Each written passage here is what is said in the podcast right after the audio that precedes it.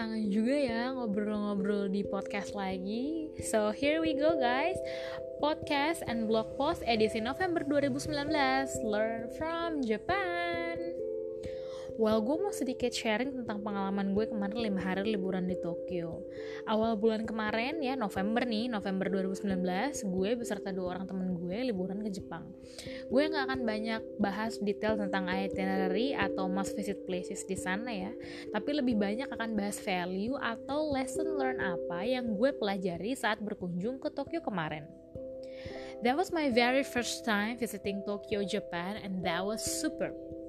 Banyak hal yang menarik tentang positive value dan habit dari masyarakat Jepang yang membuat mereka menurut gue agak beda dibanding masyarakat negara lain. Value dan habit yang positif ini nih yang menurutku menjadi cikal bakal kesuksesan dan kemajuan Jepang sebagai negara maju di Asia. Apa sih yang bisa kita anak muda pelajari tentang masyarakat Jepang? Pertama, mereka very integrated and very punctual. Menurut gue, Jepang adalah salah satu negara dengan public mass transport yang super terintegrasi, rapi dan tepat waktu. Jadi nggak usah takut backpackeran di sana guys, karena sign nationnya semuanya jelas, public transportnya juga udah terintegrasi, tepat waktu, bersih, nggak ribut, nggak gaduh dan udah banyak pilihan mode transportasinya. Dari mulai Shinkansen, kereta kereta super cepat hingga MRT biasa. Terintegrasi dan punctual ini menurut gue juga merupakan value masyarakat Jepang yang mereka bawa dalam interaksi sehari-hari. Mereka berpikir sangat detail, rapi, dan terstruktur serta menghargai ketepatan waktu. Pokoknya mantep banget. Yang kedua, clean, quiet, and polished. Kayaknya masyarakat Jepang anti sama yang namanya polusi ya. Polusi apa pun nih, polusi udara, suara, dan polusi pandangan. Jauh-jauh deh. Kotanya soalnya super bersih, nggak ada sampah. Padahal kayaknya gue kok susah ya kemarin cari tempat sampah di tempat umum. Well, ternyata mereka membawa pulang sampah atau limbah mereka di dalam tas dan disiplin membuangnya di rumah. Jadilah kotanya bersih dan anti sampah. Pun juga polusi suara ya dasar ya orang Jepang itu emang gak tipikal ribut dan berbicara seperlunya aja. Jadi ya tidak ada polusi suara berlebih di tempat-tempat umum. Mereka tuh tipikal yang fokus sih yang gue lihat banget. Jadi kalau kerja ya kerja beneran. Kalau makan ya makan. Kalau ngobrol ya ngobrol. Jadi jarang ada bising-bising gak perlu gitu di public places. Termasuk juga berpenampilan ya. Kayaknya sepanjang perjalanan perjalanan di sana tuh orang-orang tuh very tidy clean and kece gitu loh.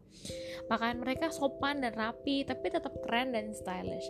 Cowok-cowoknya hobi pakai jas dan hoodie, sementara cewek-ceweknya wajib pakai kaos kaki atau stocking dengan pakaian sopan yang tetap modis. Eyes on details juga gitu loh. Kuku semuanya cantik dan bersih, rapi, makeup tastefully applied, hairdo-nya juga oke, okay. pemakaian perhiasan juga pas, nggak pernah berlebihan. Yang ketiga disiplin. Ya, disiplin. Contoh kecil nih. Kalau lo makan es krim, pinggiran jalan, lo akan disuruh habisin itu es krim di dekat stall yang jualan es krim sampai habis ya, baru boleh jalan-jalan lagi. Tujuannya untuk meminimalisir kotoran jalan karena es krim atau makanan yang tumpah. Dan yang hebatnya menurut gue ya orang-orangnya yang mau mematuhi aturan tersebut. Yang keempat, hobi jalan dan naik sepeda. Jarang ya lihat orang-orang Jepang tuh overweight. Ya gimana enggak? Hobinya naik public transport, jalan kaki, naik turun tangga dan naik sepeda. That's why polusi udara Jepang juga tuh relatif sedikit. Orang-orangnya sehat dan cekatan bergerak serta anti macet yes, yang pasti. Yang kelima, hobi makan sehat. Ya, alasan mengapa banyak orang Jepang itu berumur panjang, sehat, dan cerdas adalah makan makanan yang bergizi.